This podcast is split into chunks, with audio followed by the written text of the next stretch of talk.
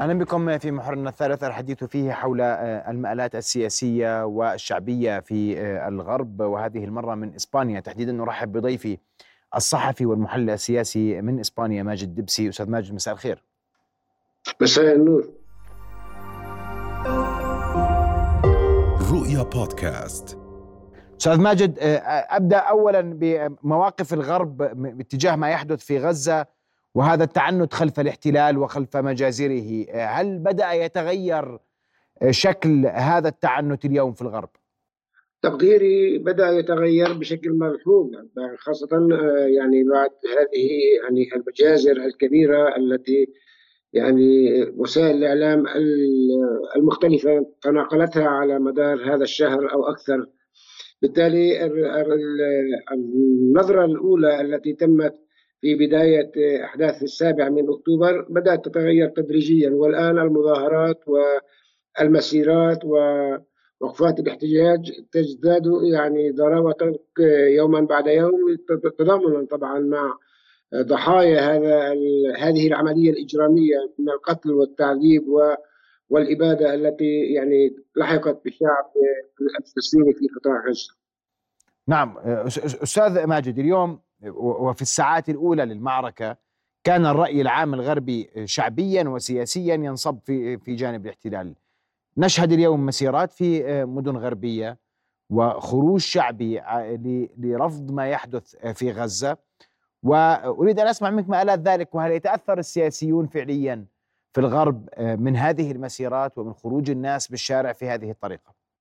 يمكن القول أنه شعبيا يختلف عن الموقف الرسمي السياسي في في دول أوروبا الغربية بشكل عام هناك في تعاطف مع القضية الفلسطينية يعني تاريخيا. ولكن على ما يبدو أن العملية المفاجئة التي تمت في السابع من أكتوبر يعني خلقت نوع من الالتباس خاصة وأن أنهم لم يتعودوا على مثل هذا يعني الحدث. بالتالي كانت الإدانات يعني متوازية بمعنى إدانة حركة حماس واعتبارها حركة إرهابية وفي نفس الوقت يعني لم يكن واضح لدى يعني الرأي العام ولدى يعني الأوساط السياسية بأن بأن هذه العملية تستهدف يعني قلاع الشعب الفلسطيني و وتهجيره إلى سيناء وإلى الأردن في هذه الحالة الضفة الغربية. بدأت الأمور تتوضح شيئا فشيئا خاصة على ضوء حجم الجرائم التي ترتكب يوميا. الآن طبعا الغرب الرسمي هو مع إسرائيل من حيث المبدأ. كون إسرائيل هي الابن المدلل لهذا الغرب ومحاولاته للهيمنة على منطقة واسعة اسمها الشرق الأوسط. هذا يعني بعيدا عن آه، آه، الرأي المؤقت. آه، لكن أمام هذه الفضيحة الكبرى التي تتم وأمام يعني ما يمليه القانون الدولي أو العام والإنساني أن هذه الجرائم يعني هي عبارة عن انتهاكات وممارسات لا يمكن القبول بها إنسانيا. من هنا بدأ يعني بشكل خجول الشارع الرسمي الإسباني الإسباني والغربي يعني التميز شيئا فشيئا ويستجيب إلى الرأي العام الذي بدأ يعبر مبكرا عن آه، بشكل عفوي عن رفضه لهذه الجرائم وبدأ يشعر أنه من واجبه أن يخرج عن صمته وأن يتظاهر. المظاهرات مئات الألوف في المدن على سبيل المثال الإسبانية أو في لندن أو باريس التي كانت تجرم عملية رفع العلم الفلسطيني على سبيل المثال الآن لا تجد آه، بدا من أن تتماشى وهذا الرأي العام الذي بدأ يعبر عن عطفه مع الشعب الفلسطيني ونضاله آه، المحق. متى سيستجيب الغرب للضغوط الشعبية أستاذ ماجد؟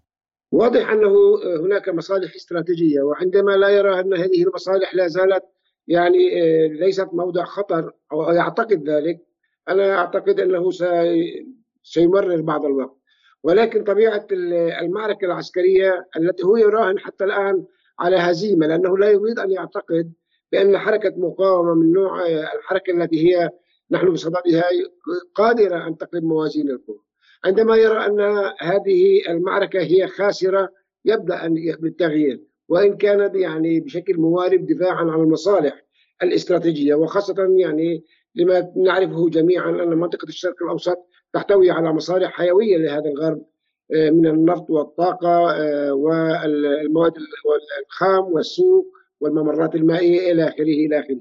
وعلى ضوء يعني التغير المتسارع في الخريطة الجيوستراتيجية والتي يعني تصب في خانة آه، من هم يعتقدون أنهم أعدائهم الاستراتيجيين كالصين وروسيا. وخاصة ونحن يعني نشهد الحرب في أوكرانيا منذ قرابة العامين. وأن هذا هو السر الذي سيدفع الغرب لأن يحاول أن ينقلب شيئا فشيئا لصالح. وإن كان ليس عن قناعة وإنما عن مصلحة يعني إلى جانب حق الشعب الفلسطيني. وأيضا حتى لا يتعرض القانون الدولي لعملية انهيار يعني محكومة أو مضبوطة حتى هذه اللحظة. لا لكن برأيك أستاذ ماجد اليوم وأنت صحفي ومحلل سياسي وتقرأ في المشهد الأوروبي آه، برأيك اليوم هل يمكن للغرب أن ينقلب على على على الاحتلال الإسرائيلي؟ آه، آه، وأن يلزم بوقف الحرب أو يوقف هذه الحرب؟ يعني نحن حقيقة أمام تدخل مباشر في هذه الحرب وإن كان لا يعلن عنها بشكل رسمي خاصة الولايات المتحدة الأمريكية ومعها فرنسا نحن نشهد ما جرى لفرنسا في شمال في في غرب إفريقيا خسارتها المتدرجه لمصالحها مع دول كبوركينا فاسو والنيجر ونيجيريا إلى آخره. آه، هذا الغرب لا يمكن أن يتراجع عن مواقفه الاستعمارية إلا من خلال الضربات التي توجه إليه. من هنا يعني هذا الغرب عندما يجد أنه مصالحه قد يعني تتعرض إلى خسارة استراتيجية طبعا سيحاول الانقلاب على ذلك.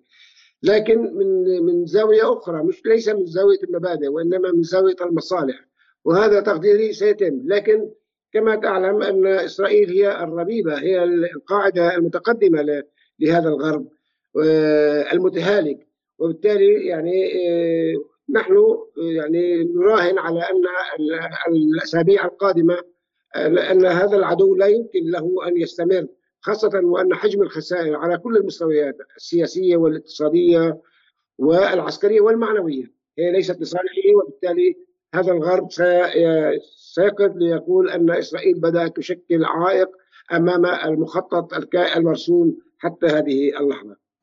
الإعلام الغربي أستاذ ماجد هل بات, بات اليوم ينقل الصورة على أقل تقدير بشيء من الحيادية إن صح التعبير؟ أنا أعتقد لا ولكن هناك صحفيون يعني لديهم ال ال الأخلاقية يحاولون من رغم الحصار ورغم عمليه الحصر عن الحجز الحجز عن أو الحجر عن مواقفهم يحاولون التعبير. هناك محللون سياسيين يعني رائدون يحاولون أن يشرحوا للرأي العام آه، أبعاد ما يجري في المنطقة. ولكن الإعلام بشكل عام هو يعني محكوم بالمصالح الاستراتيجية خاصة وأن يعني آه، المورد الأساسي لهذه المحطات التلفزيونية والوكالات هما وكالتين يعني أمريكيتين وفرنسية وبريطانية. بالتالي المصدر هو نفسه. ولكن الصورة دائما آه، خاصة ونحن يعني نجيد الآن وسائل التواصل الاجتماعي التي كسرت هذا الحكر على وسائل الإعلام التقليدية. إيه، بدأت الصور تنتقل إلى الشارع وهذا الشارع بدأ يعبر عن نفسه وهذا ما يجبر الكثير من الصحفيين إيه، من يعني محاولة إيجاد نوع من التوازن حتى تكون يعني وجهات نظرهم يعني نوع من المصداقية أعطاء نوع من المصداقية. ولكن وسائل الإعلام حتى هذه اللحظة هي وسائل إعلام منحازة إلى صالح الرؤية الإسرائيلية أستاذ ماجد وأنا هنا بدي أسألك عن عن دور الشباب آه، آه، في في تغيير وجهة النظر ومواقع التواصل الاجتماعي تحديدا، هل هناك ما يدلل أن أن الشباب نجح في إعادة آه، بحث وطرح القضية الفلسطينية في الشارع الغربي؟ إذا كنت تقصد الشباب الفلسطيني والعربي أنا أعتقد إنه يعني بدأت هناك عمليه صحوه حقيقيه، الشباب دائما مندفع للدفاع عن القضايا في لحظه الغياب الرسمي يعني للأسف الشديد. نحن في أوروبا يعني هناك نتحدث عن 10 ملايين إنسان ينتمون إلى أكثر من معظم الدول العربية وخاصة الفلسطينيين والسوريين والأردنيين واللبنانيين إلى آخره. هؤلاء الشباب كانوا طواقون لسماع الأخبار ونقلها وهم يجدون يعني اللغة و لغة التخاطب مع هذا الرأي العام. يتجاوب معهم الشباب في هذه الدول الغربية. الآن ما يعكس ذلك هذا النهوض هو حجم المشاركة الشبابية على كافة المستويات وفي كافة المدن وعلى مدار الساعة واليوم. لكن حجمه اليوم اليوم لما نحكي عن مدينة ك ك كالعاصمة البريطانيه لندن وحجم المسيرات اللي اللي, اللي كانت فيها كسر القيود في باريس والخروج المسيرات هناك ألمانيا هناك أيضا مسيرات آه، تخرج الولايات المتحدة الأمريكية مسيرات ضخمة تخرج والحديث عن دور الجالية الفلسطينية في هذه المسيرات وعن دور الشباب الفلسطيني في آه، آه، يعني إيقاف كل القمع من قبل مواقع التواصل الاجتماعي للقضية الفلسطينية. هذا صحيح. يعني هناك يعني أنت أشرت إلى ألمانيا، ألمانيا كانت إلى جانب فرنسا والكثير من الدول الأوروبية في المرحلة الأخيرة يعني في السنتين الأخيرتين تحاول تجر أن تجرم عملية الإدانة لأي انتقاد للكيان الصهيوني.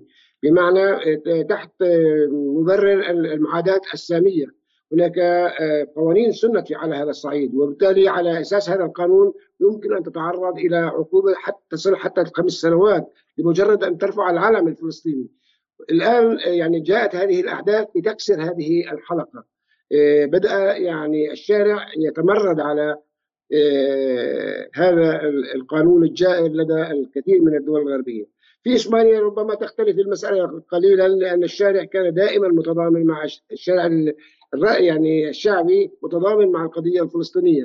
لأسباب يعني تاريخية لا يعني ليس الآن الواحد بصدد آه، تكرارها. ولكن بشكل عام هنا في جنوب أوروبا في إسبانيا في إيطاليا في اليونان التضامن مع القضية الفلسطينية كان دائما حاضرا وبالتالي آه، بدأت يعني تعكس نفسها على المستوى الحكومي.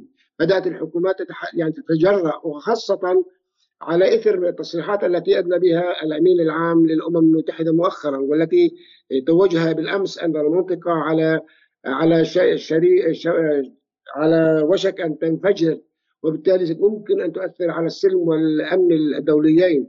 هذا القرار من قبل الأمين العام هذا التصريح عكس نفسه أيضا على مسؤول العلاقات الخارجية في الاتحاد الأوروبي السيد بوريل الذي كان دائما يتشدق بالقول أن لإسرائيل الحق بالدفاع عن نفسها.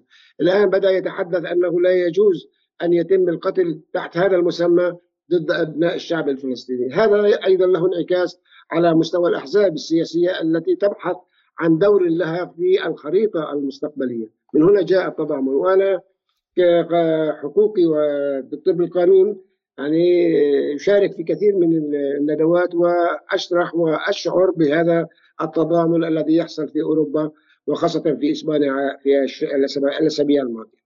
أه، أستاذ ماجد وأنا في ذات الإطار اليوم الا ألا تقرأ أن الغرب يقلق اليوم من صورته أمام العالم وأمام العالم العربي تحديدا وأن كل المبادئ الغربية التي تم ترويجها والحديث عنها مؤخرا بدعاة الديمقراطية وحقوق الإنسان وحماية الإنسان مع كل الصور التي نشاهدها ونتابعها من قطاع غزة. ألا ألا يقلق البعض على أن السلطة اليوم هي بالاقتراع وأن الاقتراع قد يغير كل شكل الخارطة الأوروبية السياسية إذا ما استمر هذا الدعم للاحتلال؟ واضح تماما أن هناك عاملان يعني يجعلان هذا الغرب الرسمي يعني يسعى نحو التغير ليس دفاعا عن مبادئ. هي التشدق بموضوع الدفاع عن حقوق الإنسان و والدفاع عن الديمقراطية والحريات انما هو يعني آه، تشدق غير منطقي وغير صحيح أصلا. على اعتبار أنه يعني في السنة الماضية Human Rights Watch و Amnesty International صنفت الكيان الصهيوني بأنه نظام الأبارتهيد نظام الفصل العنصري وبالتالي يفترض على الدول الغربية أن تأخذ بهذا المنحى وأن تجرم الكيان الصهيوني وأن تدعه يعني منبوذا خارج المنظومة الدولية، لكن الواقع هم يدافعون عن مصالح استراتيجية. ولكن ما يجري الآن من مظاهرات مليونية في خاصة في دول شرق آه، الشرق وشرق في جنوب شرق آسيا في الهند في باكستان في في آه، إندونيسيا وأيضا إلى جانب الدول العربية وأقربها الرباط اللي هي قريبه جدا. في المغرب من الحدود الإسبانية. كل ذلك طبعا يخلق نوع من القلق لدى الدوائر الرسمية التي بدأت تشعر بأنه إذا ما استمرت في موقفها المنحاز لا بد إلا أن تدفع ثمنه على أكثر من صعيد، ما جرى في الولايات المتحدة دليل على ذلك، ما جرى اليوم في الولايات المتحدة حيث قام يعني الكثير من المتظاهرين بتطبيق آه، عمليه آه، تعبئة بواخر بالأسلحة المتوجهة إلى الكيان الصهيوني، هذا أيضا له انعكاس أيضا عندنا في أوروبا، هذا صحيح وبالتالي هناك انتخابات قادمة وهذا أيضا يجعلهم يفكرون أكثر من مرة على أنهم يجب أن يتخذوا موقف نوعا ما آه، متحيزي حتى لا ينجرفوا في ويخسروا الشارع الذي بدأ يعبر عن مواقفه المؤيدة للقضية الفلسطينية. نعم. أشكرك كل الشكر الصحفي والمحلل السياسي. كنت مباشرة معنا من إسبانيا أستاذ ماجد الدبسي. أشكرك كل الشكر على وجودك معنا الليلة. رؤيا بودكاست.